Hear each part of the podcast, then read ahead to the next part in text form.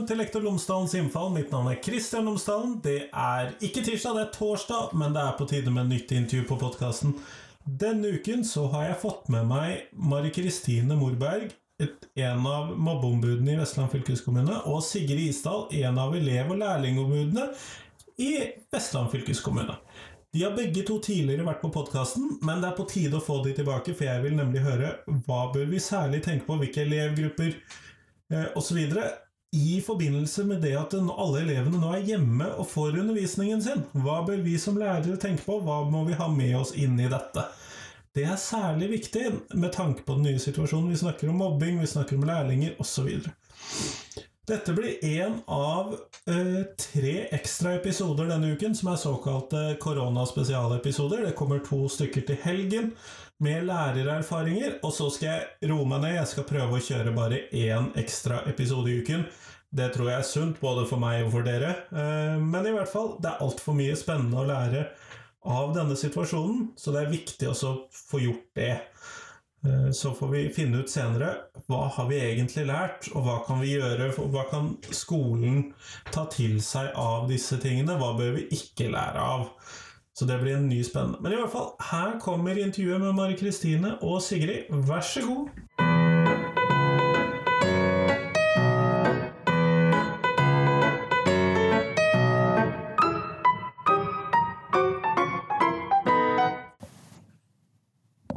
Tusen takk for at dere har tatt dere tid til meg i dag.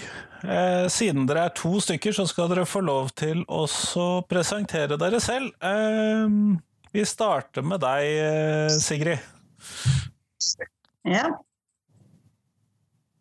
Yes, tre ting om deg selv. ja.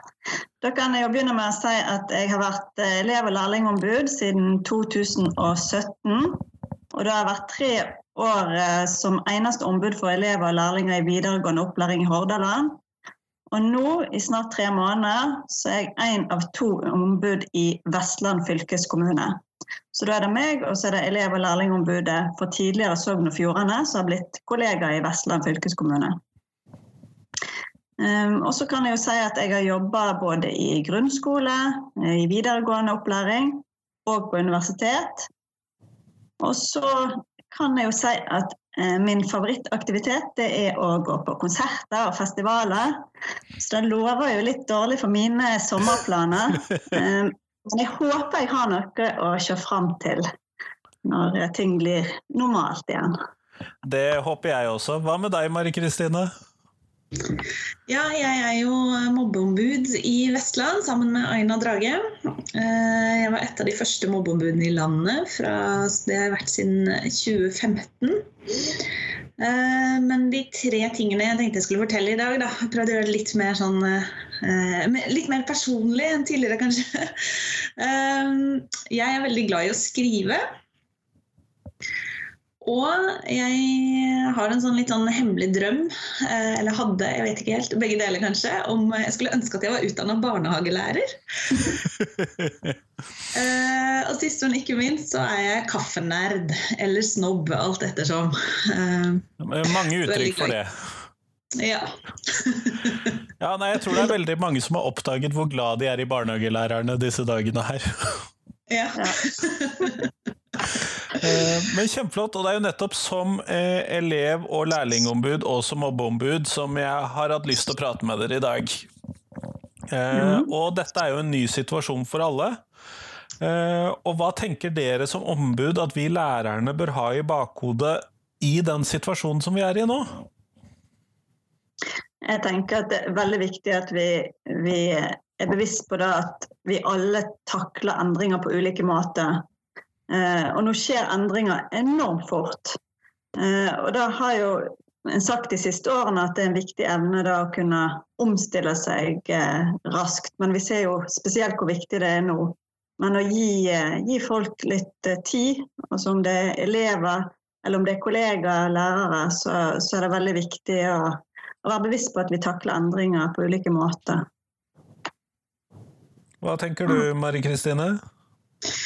Noe Nei, jeg tenker? Det er et viktig, eh, viktig poeng. Eh, og så tenker jeg jo at eh, at det som dere bør ha i bakhodet, men som jeg også er helt overbevist om at dere har i bakhodet, det er jo det at, eh, at det er så vanvittig forskjellige situasjoner da, i de tusen hjem akkurat nå.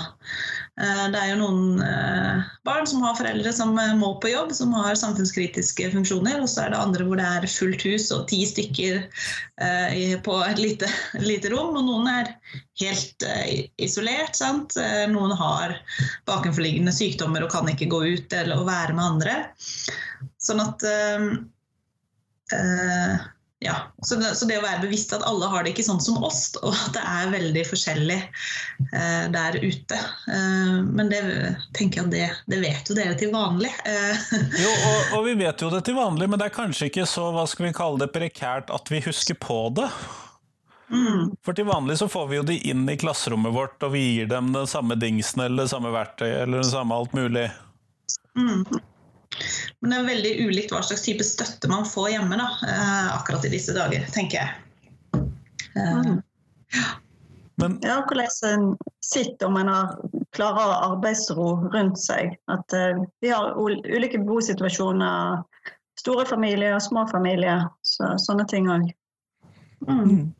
Jeg har jo sett at en del elever de uh både ut ifra hva mine barn forteller og hva jeg har hørt fra både konfirmantene mine og elevene mine, at det er en del som sliter med å komme seg opp om morgenen og ut av sengen og i, det hele tatt uh, bli liggende i sengen for å jobbe med skolearbeid. Mm. Ja.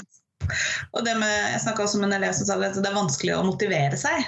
Hvis du får en oppgave da, som du skal jobbe med i løpet av dagen, og så det å komme i gang det å komme i gang med den oppgaven, bare det kan jo være en kjempeutfordring for noen. Mm. Mm.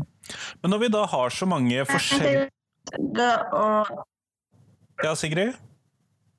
Jeg tenker det å gi god informasjon, det er utrolig viktig i, i sånne situasjoner, så en slags krisesituasjon som der vi er i nå, så, så er det veldig viktig å gi god eh, informasjon. Sånn at en vet hva en skal forholde seg til. Så det syns jeg òg er, er, veldig viktig. Mm. Ja, Men nå skal vi jo drive undervisning på veldig mange forskjellige måter. fordi at uh, vi prøver jo alle sammen å finne opp hjulet på nytt. Det er jo meg og mine kollegaers oppgave å gjøre her nå. Prøve å finne ut hvordan vi skal mm. få dette til å henge sammen. Og vi gjør det nok på veldig enda flere forskjellige måter enn hva vi pleier å gjøre i klasserommene. Uh, hva tenker dere om utfordringene ved dette? Ja, altså eh, ja, Det er både òg. Altså, det vil jo være utfordringer tenker jeg, når, når, eh, ja, når, det blir så forskjellig. fordi dere som lærere også har jo veldig ulik kompetanse og, uh, på, på, dette. Uh, eller det, akkurat dette er det vel ingen som har kompetanse på per i dag, men, uh, men, det utvikles jo i et veldig tempo. Um, og så har jo dere ulike situasjoner òg. Noen lærer hjemme med små barn, hva, eller at man har en familie som er syk. Altså, alle er jo på en måte i, uh, i situasjonen der også. Um, og det vil bli veldig ulike tilbud. Um, og, og, så ser jeg vel også det at, at barna får, og ungdommene får ganske ulik oppfølging. ikke sant? Um, og det, altså Hvis dette blir en langvarig situasjon, så vil jo det bli et problem. Men jeg tenker at vi tåler dette godt i noen uker. Uh, men hvis det blir mer langvarig, så tenker jeg at da må det jo komme noen føringer. Uh, nå ligger det jo allerede også en del på, på UDIR sine sider, nyttig informasjon for lærere og skoleeiere. Um, og så har vi jo disse jeg tenker Vi må jo trekke fram alt det positive og engasjementet. og eh, altså Det blomstrer jo av kreativitet. altså Denne her eh, koronadugnad for lærere som hadde 50 000 medlemmer i løpet av få dager. Um, jeg tenker Det blir delt veldig mye bra. Man får løfta viktige diskusjoner. Får tett um, kontakt med kunnskapsministeren, som jo også er logga på. Sant?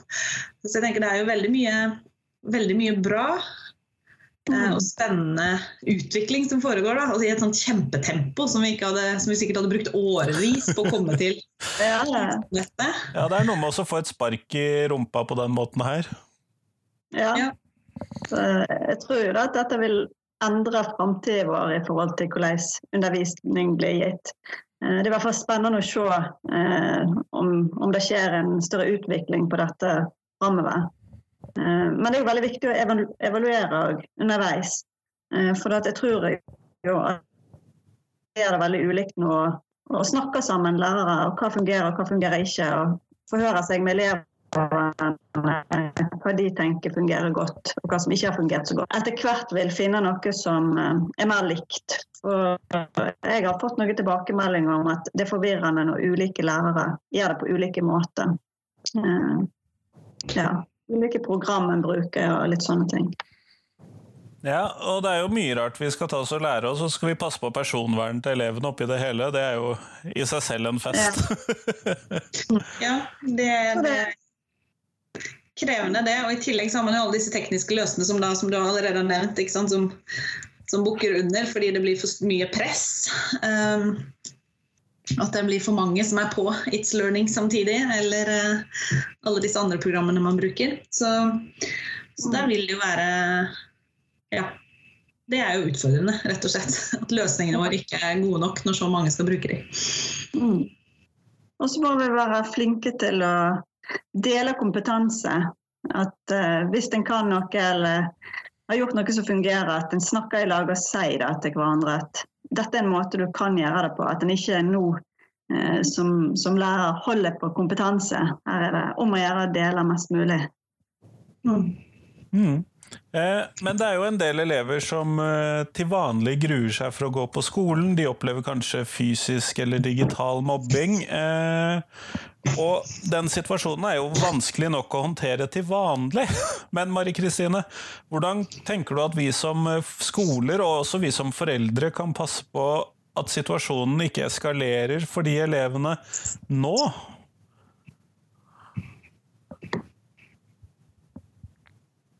Ja, nå ble det litt sånn uh, hakkete her, for vi er jo på digitale løsninger vi òg. Men ja, jeg tror jeg vet hva du spurte om.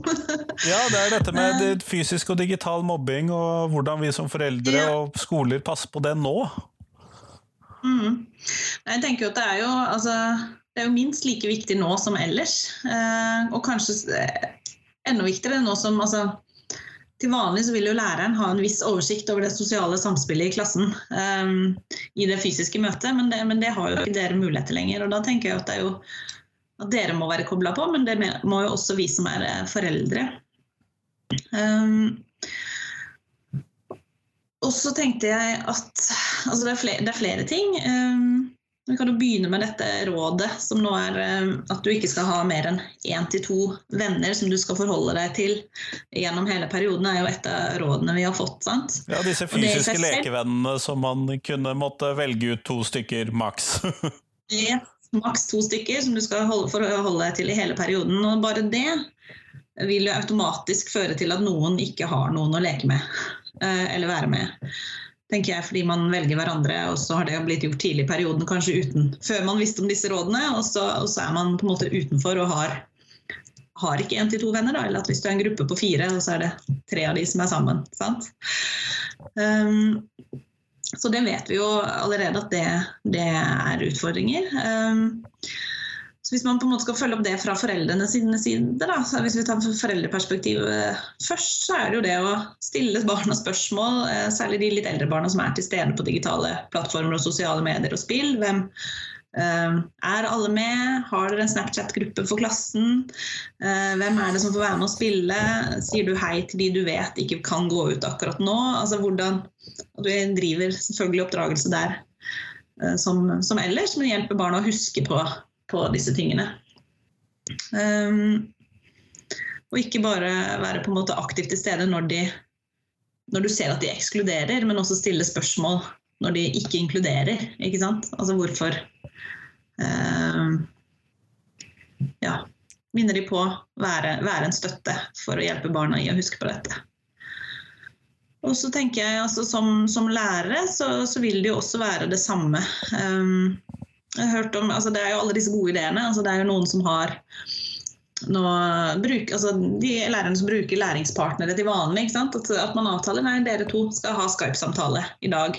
Hørt om digitale vennegrupper. Um, at liksom foreldre og lærere jobber sammen om, om klassemiljøet og bruker det. Uh, og systematiserer det og passer på at alle, alle har noen å være med og snakke med i løpet av dagen. også sett, sett klasser som har chatterom fra fem til syv, så nå, nå er vi ikke Det er ikke skolearbeid, men nå kan vi snakke om alt og ingenting. Sånn, sørge for at alle har, ja, har noen å snakke med, være sosial. tenker jeg er viktig At uh, man som lærer også er med på å legge til rette for det. At ikke det bare er det skolefaglige, men også passe på at barna har uh, sosial kontakt. Mm. Mm. Jeg syns jo dette er litt spennende, fordi at uh, min eldste er ikke verdens mest sosiale person. En av de som trives godt på sitt eget rom og i fred og ro. Og med dette situasjonen nå, så aktiv deltakende i klassesamtaler eh, med de som tilfeldigvis er online. Eh, noe som i seg selv er ganske overraskende, men eh, dette viser jo nye sider ved barna våre også. Ja, og det ser man jo faglig også. Det har jo vært mange som går ut og sier at her er det elever som har hatt høyt fravær, som har vært redd for å miste, og nå deltar de i samtalen. De er mer aktive enn de er i klasserommet. Eh, at de får en ny mulighet til å være kobla på, da. Eh, også skolefaglig. At de har en hverdag som kanskje passer dem bedre nå enn de var for tre uker siden. Ja, og Noen av disse som du tenker på der, jeg vil jo tenke meg at noen av de, særlig de som da ofte har hva skal vi kalle det, flyktet inn i spillingen eller opplevd mestring ved spilling, at for dem så vil jo dette være en arena som de faktisk mestrer, og som de faktisk er gode på. Ja, som de kan hjelpe andre elever med. sant? Mm. At de har kompetansen og er trygge. Uh, så det er jo, det må vi heller ikke glemme. Sant? At det er, for noen så er dette kjempebra. mm. Det var en av mine kollegaer som uh, skrev dette i går, at uh, kanskje vi burde ha en sånn ordning hvor de elevene som vi frykter at kan falle fra, Eh, at de elevene vi frykter at kan falle fra, at eh, hvis man kvalifiserer til noen krav, så kan man få digital undervisning etter jul, rett og slett bare sånn for at noen elever åpenbart ikke fikser skolesituasjonen så godt, men de fikser veldig godt denne digitale skolesituasjonen veldig mye bedre.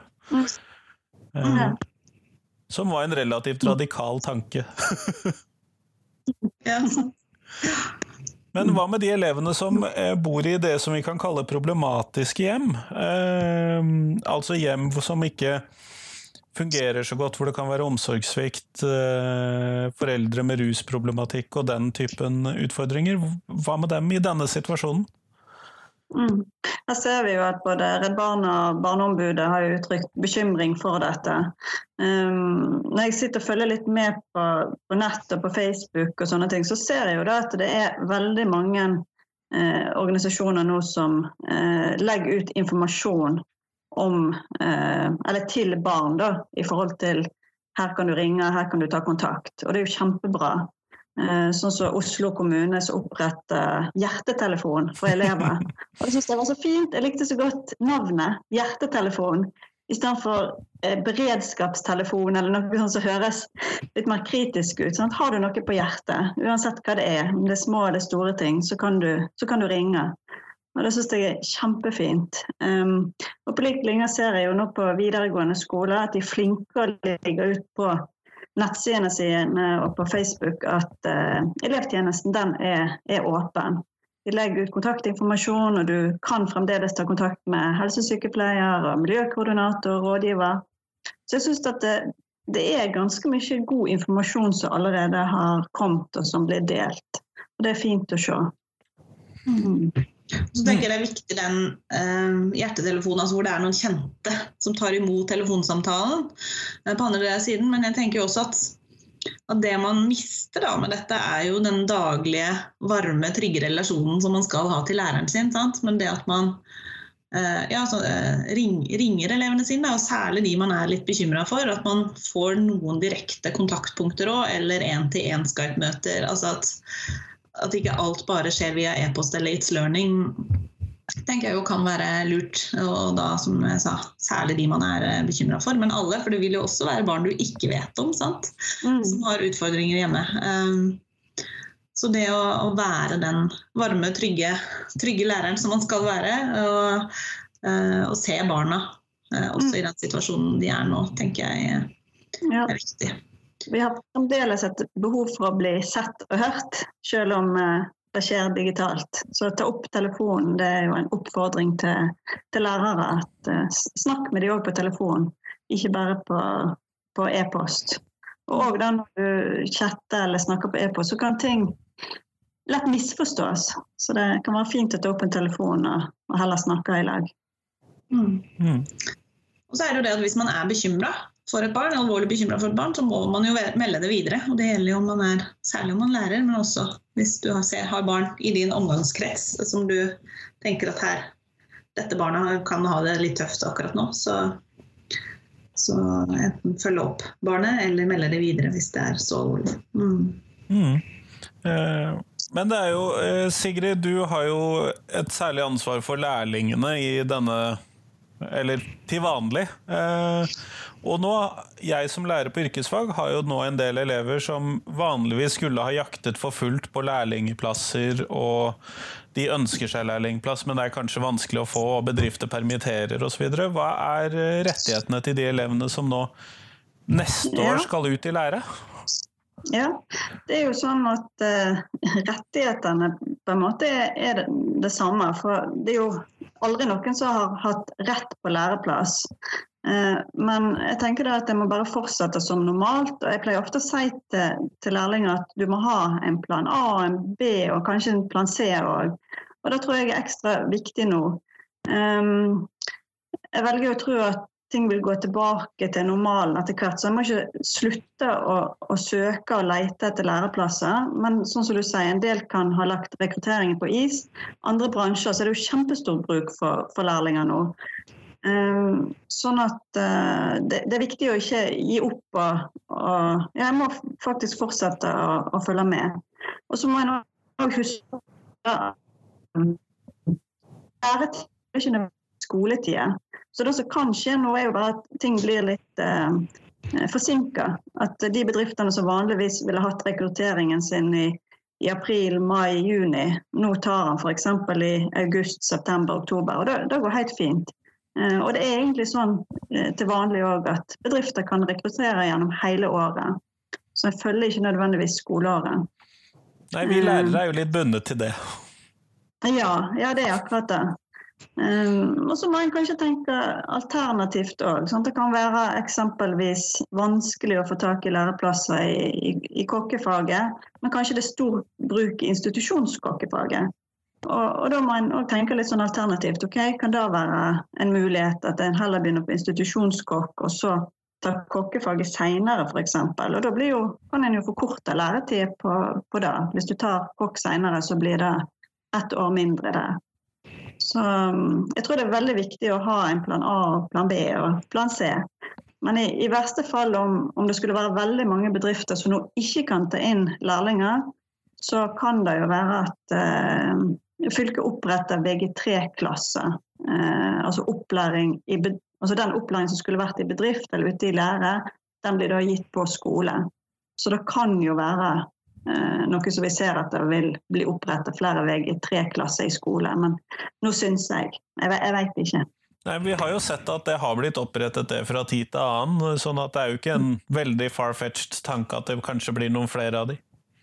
Nei, og, og, det har jo med svingninger i, i, bransjen å gjøre. at Når det er nedgangstider, så, så oppretter en gjerne de VG3-klassene i skole, fordi at en vet at det er jo bruk for fagarbeiderne, men kanskje om ett år eller to år. Så det er jo viktig å fortsette å utdanne fagarbeidere. Så ja. Mm. Hva med rettighetene til de som allerede er lærlinger? Der er det jo en del hvor bedrifter har begynt å permittere osv.? Ja, absolutt. Og da merker jeg eh, som elev- og lærlingombud at jeg har en del henvendelser på det. Eh, men i den krisepakka som regjeringen la fram, så, så, har de tenkt på lærlingene. Og det ble veldig letta når jeg så det. Veldig glad for det. Sånn at eh, lærlingene får nå en inntektssikring på nivå med lærlingelønn. Og dette er jo bare én av de tiltakene som det har kommet forslag på. Da. Men eh, jeg tror jo at det vil komme flere tiltak etter hvert hvis denne perioden her blir utvida. Men det jeg sier til, lærlingene nå, er at hvis du får eh, eh, permitteringsvarsel, så bør du bare registrere deg på Nav med en gang. Og sånn som det ser ut nå, så skal du jo være sikra lønn på de 20 første dagene eh, fra permittering. Altså de to første fra arbeidsgiver og resterende 18 fra, fra staten. Og så har du òg dagpengerettigheter etter det. Så ja. Det, det ser ut som lærlingene foreløpig er sikra, men det spørs jo hvor lang, langvarig denne perioden blir. Ja, nei, det er eh, skumle tider og spennende tider. Ja, men det, det, det fylket i hvert fall har gitt beskjed om, det at alle fagprøver inntil videre er, er utsatt. Og for de lærlingene som, som eh, da får en permittering som går over tid, så, så, er det jo fullt mulig i samarbeid med bedriften å forlenge lærekontrakten tilsvarende når en kommer, kommer tilbake igjen på jobb. Da. Sånn at Da blir jo bedriftene oppfordret til å gjøre, forlenge lærekontraktstida hvis, hvis det avbruddet skulle bli for langt. Ja, Nei, Sånn at det finnes løsninger, da, i hvert fall? Ja. ja. Det må i hvert fall uh, tenke sånn at det, det finnes alltid en løsning. Bare se hva, hva kan være aktuelt her i denne situasjonen. Kjempeflott, men tusen takk for at dere tok dere tid til meg i dag. Det er bare hyggelig. Ja.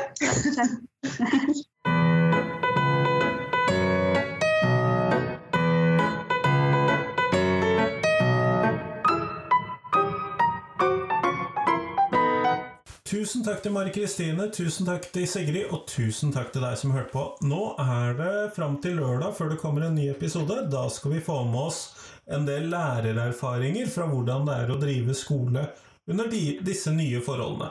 Det ser jeg veldig fram til. Det var veldig gøy å spille inn disse seks intervjuene, som blir til sammen to episoder. Det er egentlig én episode, men den ville blitt så lang, sånn at eh, jeg tenkte at det var best at vi delte dette opp i to filer, så er det litt greiere porsjonsstørrelse for dere som skal eh, lytte på. Så episode 208 og 209 kommer på lørdag, sånn at det tror jeg blir bra. Eh, de henger sammen, men de er delt i to, som sagt. Neste uke så lover jeg at da blir det bare én ekstra koronaspesialepisode. Men i hvert fall, fram til lørdag så får du ha en god dag, god uke, og kos deg med ny virkelighet. Hei, hei!